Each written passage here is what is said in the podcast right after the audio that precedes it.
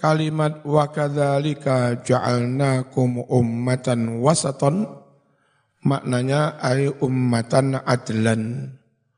Umat yang adil, umat yang berimbang, umat yang propor proporsional. Wa kadzalika semenugo wasaton maknane adlan ruya wis den riwayatake apa tafsir? Anil akhfash saking imam akhfash. Wal khalil lan saking imam khalil bin ahmad al farahidi wa qala dawuh sapa az-zamakhsyari imam zamakhsyari tafsir al-kasyaf wa qila lil khiyari wasatun Wakila den dawuhake lil khiyari kanggo wong kang bagus-bagus wasatun istilah wasat. Wong sing moderat wong sing tengah-tengah wong sing adil wong sing tidak memi tidak memi tidak memihak. Lek memihak itu meskipun ngalim apal Quran repot. Ono caluru engkel-engkelan rebutan mbak sing ayu iku nak aku. Nah, ustadz ya kepengin pisan. Ya ra iso ngadili memi memihak atau dari orang yang berperkara itu ono sing boloni ya tetap nggak bisa adil nggak bisa memutus yang sebenar-benarnya kebenaran karena tidak adilan tidak tidak wasa apa wasaton. Kenapa sing api iku kok wasat? Li annal atrof krono sedune ujung-ujung eh, enggak tengah, ujung terlalu kanan atau ujung terlalu ki, kiri, ya ekstrim kanan, ekstrim kiri atrof ujung-ujung iku ya tasar ya tasarong cepet. Ilaiha maring ujung-ujung mau. Al kholalu cepet rusak. Andai Indonesia itu negara senantiasa dipimpin kelompok yang terlalu mengujung. Kalau yang mimpin kelompok terlalu kanan wong abangan dikamplengi Wong abangan jumlahnya juga besar. Mereka ngamuk beruntak negorone bubar. Dipimpin wong rasolat. Sing terlalu kanan juga brun beruntak. Ya sudah, yang pasti dipimpin wong sholat, tapi enggak terlalu memihak ke kanan atau ke kiri. Sing kanan yo trimo, sebab yo sing mimpin yo sergap sholat, iso ngaji. Sing kiwa yo trimo, Sebab pemimpin kuwi najan sergap sholat dia nasio nasionalis. Nah. Ummatan apa? Wasaton. Wal ausatu sedangkan tengah-tengah kalau tengah-tengah itu dijaga kanan kiri. Iku mahmiyatun dan joko. Lek tengah-tengah itu dijogo, direkso muhawwatatun. Tur den kelilingi tur den ubengi. Nek tengah-tengah itu bagian yang dijaga dan diubengi pager. Nek pinggir malah sing mageri. Jadi paling aman itu teng tengah. Wa minhu lan iku setengah saking makna kang kaya mengkene iki Qaulu Abi Tammam utawi dawe Abu Tammam. Kanat hiyal wasatul mahmiya fak tanafat. Bihal hawa tisu hatta asbahat tarafan. Kanat hiyal wasatal mahmiya fak tanafat bihal hawa tisu hatta asbahan torofan. Kanan adalah hiasi perempuan itu al wasata tengah-tengah al mahmiyah tengah-tengah yang dijogo dilindungi fakta nafat sehingga terjaga terhindar pihak terhadap si perempuan itu al hawadisu berbagai bencana. Hatta asbahat. Hingga pada akhirnya dia menjadi torofan ada di pinggir. Karena ada di pinggir di luar pagar wes angel angel dilin dilindungi. Mbak-mbak neng jero ae aja meta metu. Aja ketumpal ketampil aja mejang mejeng. Kalau nama neng jero terjaga. Tidak seneng pengesan, seneng dandan, beda roto api meta metu. Uh, saut maling teman. Ya, Sopo gangge kok. Bahaya. Baru-baru ini ada santri di salah satu pondok yang ya begitu. Gara-gara metu gelem tulin karo supirin dalem akhirnya hamil. Ngono iki lho. Penake ning jer neng jero aman. Ya. Akibai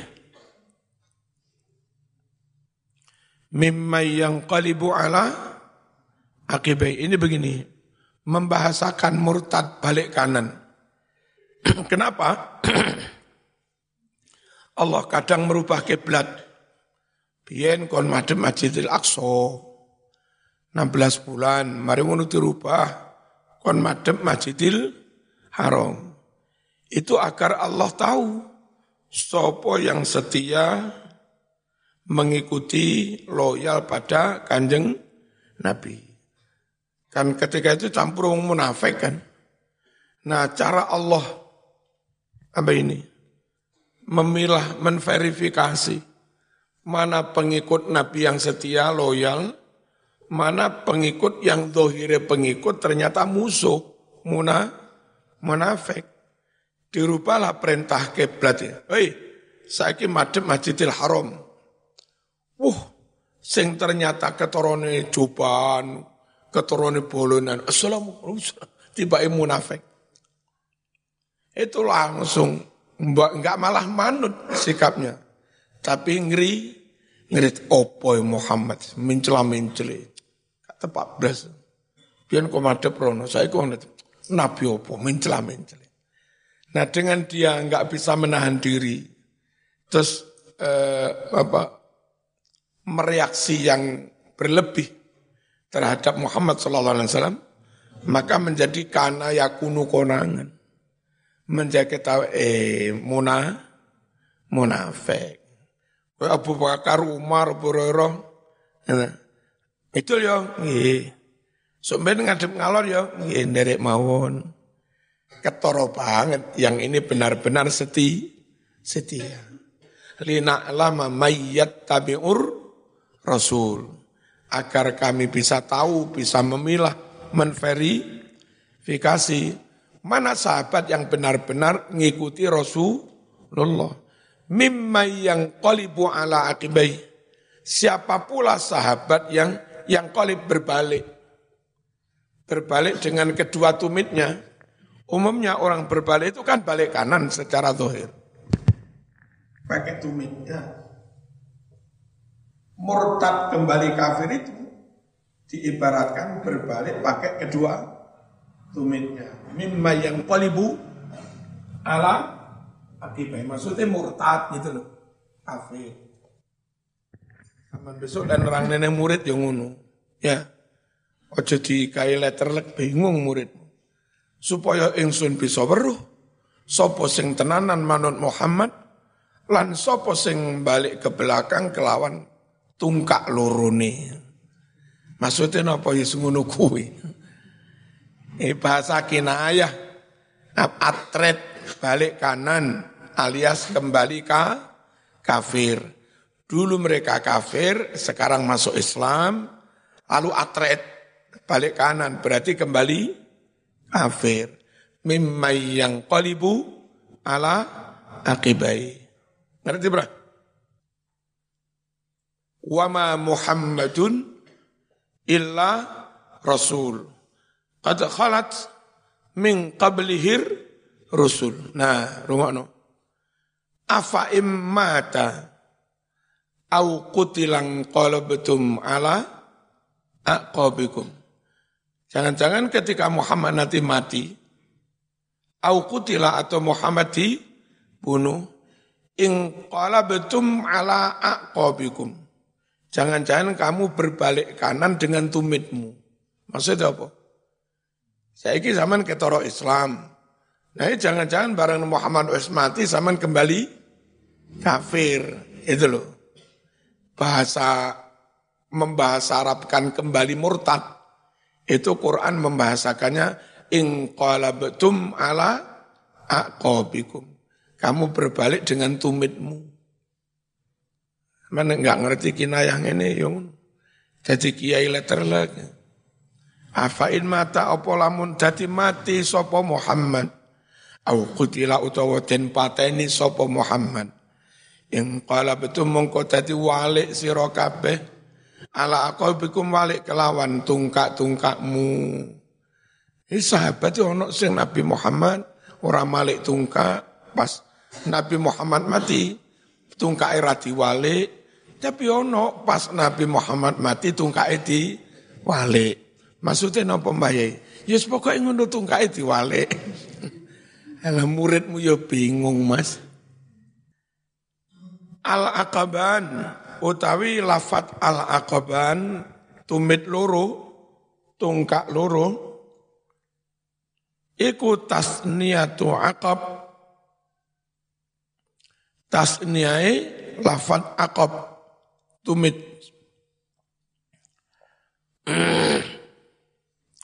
Wahia wahua utai maknane aqab. Iku muakharul qadam bagian belakang dari kaki. Kodam itu yang eh, apa? Bahasa Inggrisnya the foot itu. Bahasa Arabnya kodam. Kaki yang bawah ini tum apa? Nah, repotnya Indonesia piye Kodam dimaknai sikil, sak meniki ya rijlun ya dimaknai sikil. Kalau rijlun ya meniki sampai sak meniki. Jenenge rijlun. Terjemah ya si sikil. Kodam maknanya ya sikil. Kural kodam bala sikil. Sepak. Padahal beda saja. Wal inqilabu alaihimah utawi berbalik dengan kedua tumit iku bimaknal insirof maknane insirof balik. Warujuk ya tegese balik. Balik asal dulu Yahudi pura-pura masuk Islam balik Islam. Balik asal berarti apa? Dulu Yahudi pura-pura masuk Islam lalu balik asal. Maksudnya mur murtad. Murtad itu maknanya yang balik. Dari kata-kata rotta balik nih. Kalau jadi balik irtad dayar tatu fahuwa murtad wong kang balik. Jadi kembali menjadi kafir. Yuqalu dan ucapake inqalaba ala akibaihi Orang itu berbalik dengan kedua tumitnya di atas kedua tumitnya. Apa maksudnya? Idan sorofa anhu. Jika orang berbalik berpaling meninggalkan sesuatu. birruju'i ilal warok dengan kembali ke arah belah belakang, balik kanan, balik kiri. Apa maknanya lina, lina lama mayyat tabi'ur rasul mimma yang qalibu ala akibai. Agar kami tahu siapa saja sahabat yang benar-benar setia mengikuti Rasul, siapa pula sahabat yang berbalik kanan menjadi kafir lagi alias mur murtad. Lina lama agar kami tahu man yasbutu alal iman. Siapa yang teguh pada iman.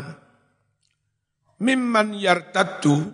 Nah, ini, memaknainya ojo dimaknai sangking sopo. Tambah nggak ngerti muridmu. Siapa yang teguh atas keimanan dan siapa pula, gitu loh. Yartatu yang mur, mur, murtad anti nilai Islam, sangking agomo Islam. Ngono ya, lek maknane sing kira-kira muridmu paham ya. Wa yarji'u dan dia kembali ilama maring agomo karena kang wis nate ana sapa wong ana iku alaihi netepi ajaran mau min dhalalin yakni ajaran keses kesesatan. Wal kalamu fihi isti'arah. Wal kalamu utawi dawuh bahasa iki fihi di dalamnya isti'arah ada isti'arah. Ada majas meminjam kata.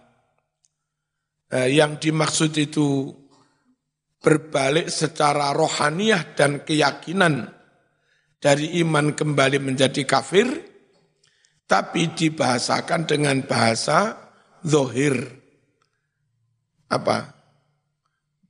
Bahasa secara persen, bahasa wong. Maka ini namanya personi, personifikasi. Jadi balik hati kepada kekufuran dipersonifikasikan koyok wong sing mau madep merono berbalik madep ke arah belakang ya. Itu namanya ma majas meminjam kata. Majas isti'aroh. Isti'aroh sendiri maknanya pinjam. Kama koyok keterangan sayati kang bakal teko apa ma wa innaha lakabiratun illa 'alal ladzina hadallah sungguh taat madep kiblat yang baru dari madep Masjidil Aqsa ganti berpindah madep Masjidil Haram. Lakabiratun itu benar-benar berat Kongkon balik saya mulai saya ki madem Masjidil Haram. Ngono itu lo berat. Kenapa? Mereka itu munafik itu dulunya Yahudi. Nah kalau madem Masjidil Haram, mereka menganggap ajaran Muhammad itu memihak kepada Yahudi. Maaf, Masjidil Aqsa. Ajaran Muhammad berarti boloku. Senengane seneng madep ke arah Israel madep ke arah Masjidil Aqsa. Nah, wes mereka senang. Ini adalah Muhammad tepat. Walaupun aku tak melebihi Islam. Ternyata mereka melebihi Islam enggak temenanan. Bareng kon balik madep Masjidil Haram. Le Muhammad piye? Bagi mereka itu berat sekali pukulan pukulan telak. Uh, kan ada Sobiin, ada Yahudi, ada Nasro, ada Nasrani, terus ada orang kafir biasa, enggak Yahudi, enggak Nasrani yang akhirnya juga masuk Islam. Mereka bolo-boloan. Eh, Muhammad itu boloku. Tulan. Kiblatnya madep Masjidil Aqsa. Eh, sing muhajirin bareng madep Masjidil Haram mana? Le boloku pada Masjidil Haram saya. Dan itu bagi mereka kayak gocol-gocolokan, kayak buli-bulian. sangat tersinggung, sangat berat. Ngajar Muhammad saiki bolone muhajirin. Nah, begitu. Soal ngono tok itu loh bagi mereka itu ber, berat karena sudah mulai menjadi simbol kelompok. Yang simbol kelompok itu suatu saat Nabi Muhammad itu ketika simbol kelompok itu kuat bisa dijadikan alat atau kendaraan poli, politik. Ayo aku nyalon gubernur ini aliran sing kiblat Masjidil Aqsa. Ayo coba milo wa innaha lakabiratun sungguh madep ke Masjidil Haram itu lakabiratun yakti teman-teman abot. Ayat tegese syaqatun abot. Angel. Sakilatun ya tegese abot. Takulu ngucap sapa sira? Apa kabiratun kok maknane abot Sakrohku kabirotun itu maknanya gede. Tapi neng kene kabirotun dimaknai abot. Ada kalimat dalam pepatah Arab, kaburo alaihil amru. Kaburo alaihil amru. Kaburo maktan. Ya. Berat sekali perkara itu bagi dia. Nah, orang Arab membahasakan berat sekali perkara itu bagi dia itu enggak dibahasakan dengan sakila, sakila tapi dibahasakan dengan kabu, kaburo, kaburo alaihil amru. Ojo dimaknai gede, ayat kese istadda, jadi abot opo perkoro. Wasakula, ya tegese a, abot. Innallaha bin nasi laraufur, laraufur rahim. Ini Nabi, kok Nabi, agama Islam yang mayoritas ajarannya nitis dari agama agamanya Abul Ambia, tokohnya para nabi, yakni Nabi Ibro, Nabi Ibrahim. Nah, ketika Islam itu bisa ditarik, hmm, ini nerus neruskan ajaran Ibrahim. Nah Ibrahim itu ikonnya Masjidil Haram. Ka'bah. Bukan Masjidil Aqsa.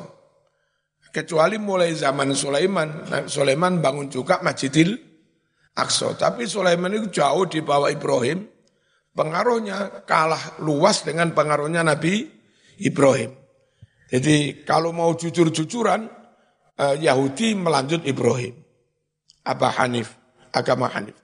Nasrani melanjut Ibrahim. Islam melanjut Ibrahim. Semuanya itu karena dari Ibrahim. Andai diajak, ayo madu Masjidil Haram. Seharusnya gelem kabeh.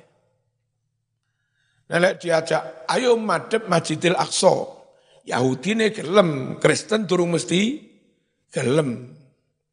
Nah, dikembalikan ke Masjidil Haram, itu bentuk kasih sayang Allah Sebab ini, andai umat manusia itu terbagi. Apa? Seret sak kelompok ini Yahudi, sing ini Islam, sing ini agama Hanif, sing ini agama Kristen, sing ini agama Sobiin.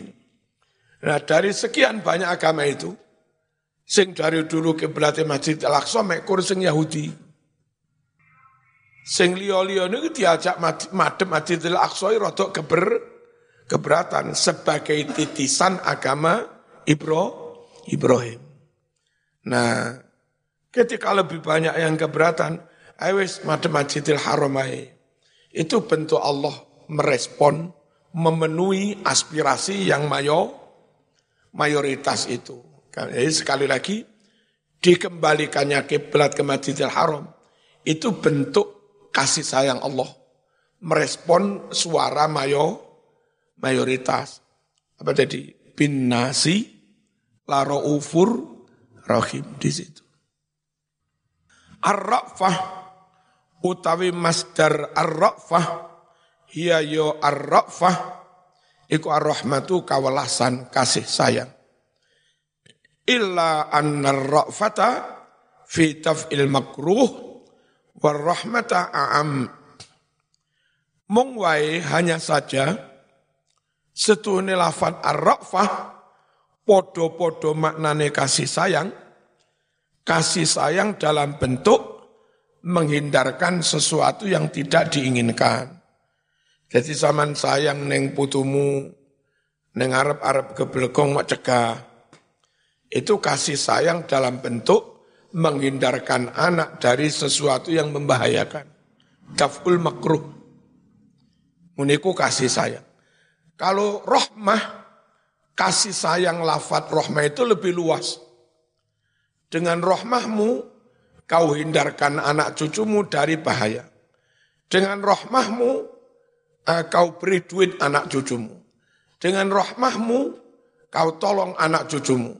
Dengan rahmahmu, kau biayai kuliah anak cucumu.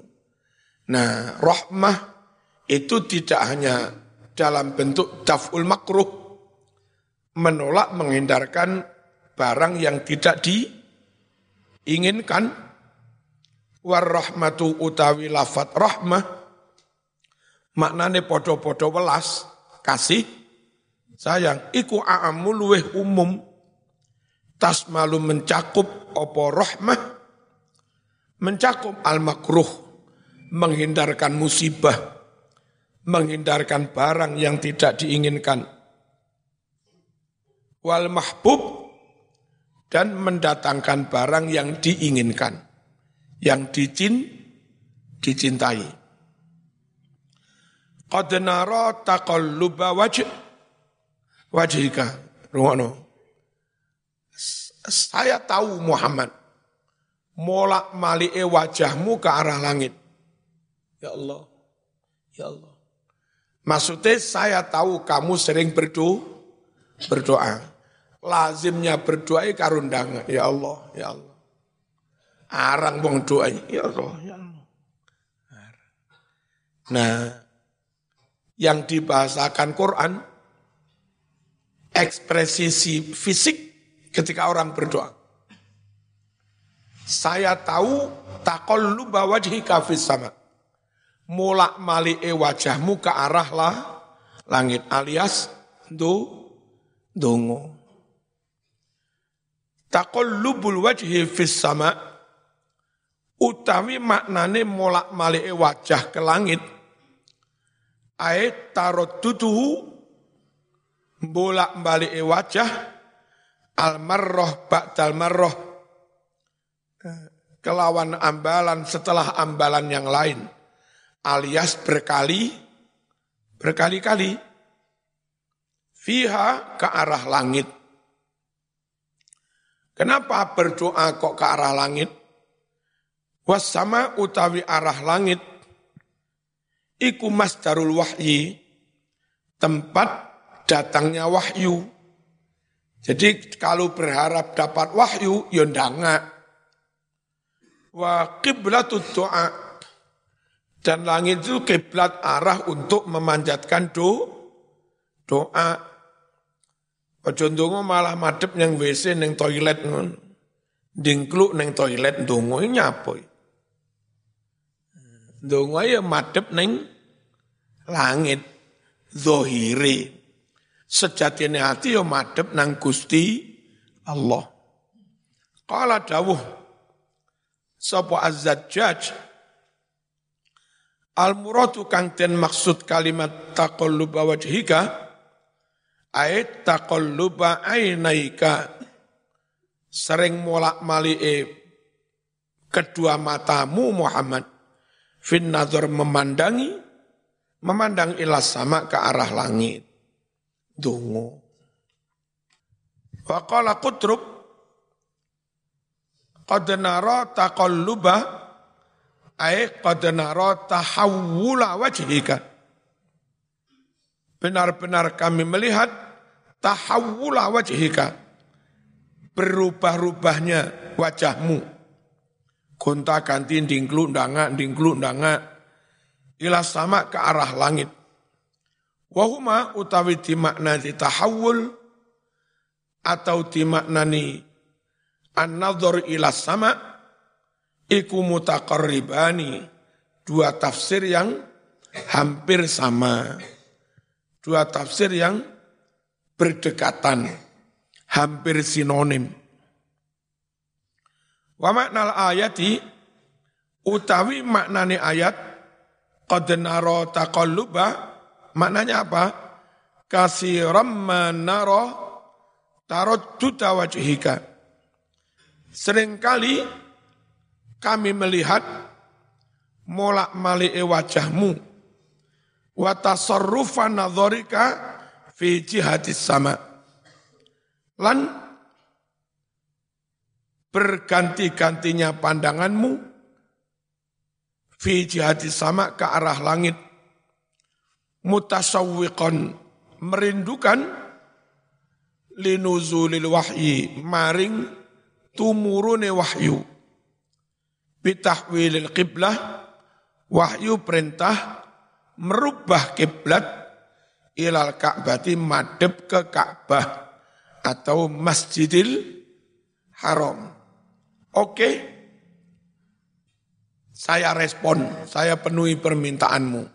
Falanu naka qiblatan tardoha fawalli wajhaka syatrol masjidil haram. Ai lanu makinan naka.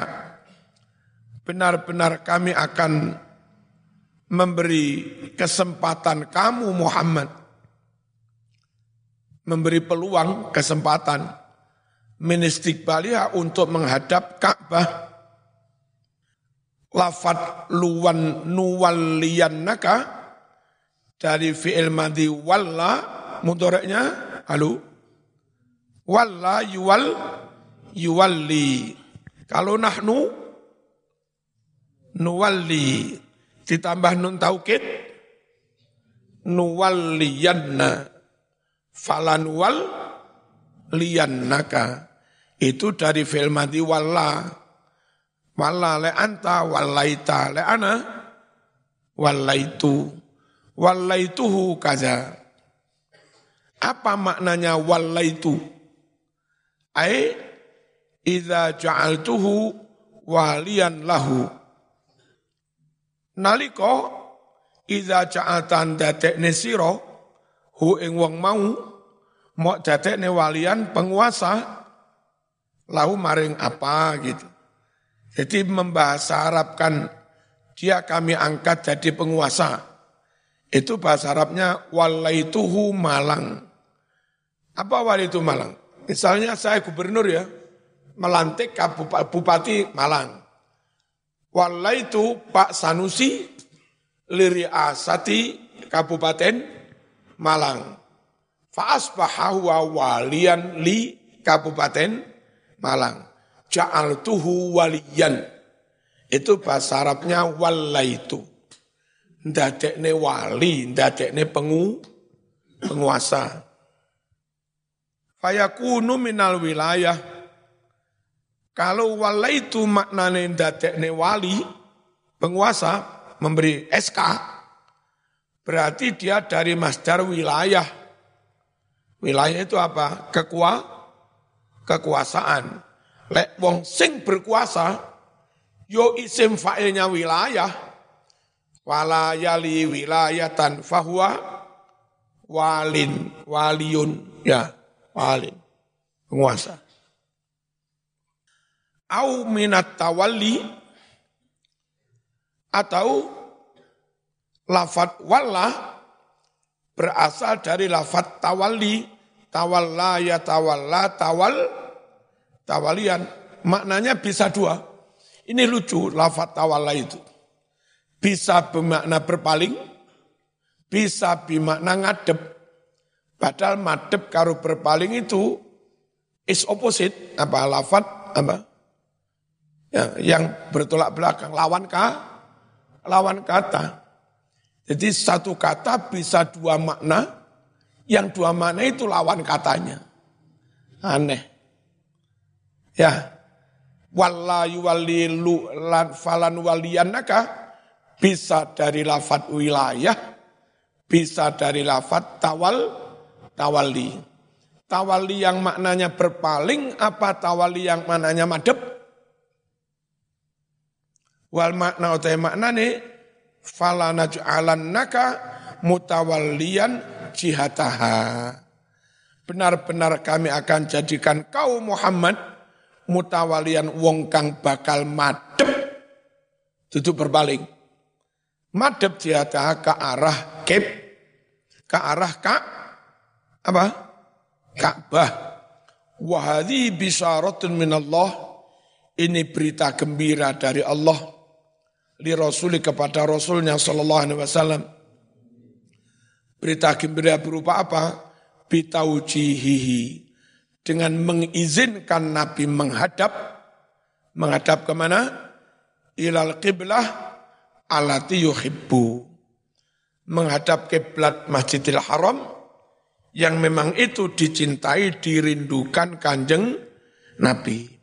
Terus bagi KNO termasuk saya, peristiwa dan ayat ini menjadi dalil bahwa Nabi Muhammad pun cinta rindu kepada tanah airnya, kelahirannya. Jaluk kiblatnya di balik nenek Mekah. Itu sebagai obat rin, rindu kepada tanah airnya. Nah kalau Nabi Muhammad rindu Mekah, cinta Mekah, tentu ketika kita orang Indonesia, Jawa, rindu Jawa, rindu Indonesia, rindu Jawa, cinta Jawa, cinta Indonesia, cinta Indonesia. Itu meniru kanjeng Nabi yang juga cinta Mak Makkah. Dari situ kita katakan hubbul waton itu sunnah Rasul, bukan bid'ah. Paham? Padahal Mekah ketika itu tidak lebih islami daripada Indonesia sekarang. Mekah itu setelah Nabi hijrah ke Madinah, hampir habis bis muslimnya. Hampir semua hijrah ke Madinah. Tinggal satu dua orang. Mekah yang notabene negeri kafir, kures, musyrik. Cuma karena Nabi pernah apa lahir di sana, putra Makkah. Itu loh, banyak kafirnya orang Mekah tidak menghalangi Nabi untuk tetap mencintai Mekah sebagai tanah airnya. Nah kalau zaman nggak cinta Indonesia, padahal Indonesia saat ini jumlah muslimnya, prosentasenya jauh lebih banyak dari Mekah yang ketika itu belum tentu ada satu persen negara kaya ngene apike ora mau cintai. Padahal Nabi mencintai Mekah kaya ngono bobroke Mekah itu. Hanya karena itu tanah airnya. Kok bodoh amat. Nah gitu. Maksud kami kalau Mekah yang kayak begitu saja dicintai oleh Rasul dan hubbul waton menjadi sunnah Rasul. Mak lebih-lebih mencintai Indonesia. Ngerti? Eh, repotnya bolo-bolo bolo-bolo kono lah. Enggak gelem cinta tanah air. Urip neng kene, mangan neng kene, ngombe neng kene, rapi neng kene, ngopi neng kene, ngemol yo neng kene. Ya. Tapi justru malah membuat propaganda benci kepada bangsanya sendiri. Kayak ini model apa? Wes syatrul masjidil haram al-fatihah.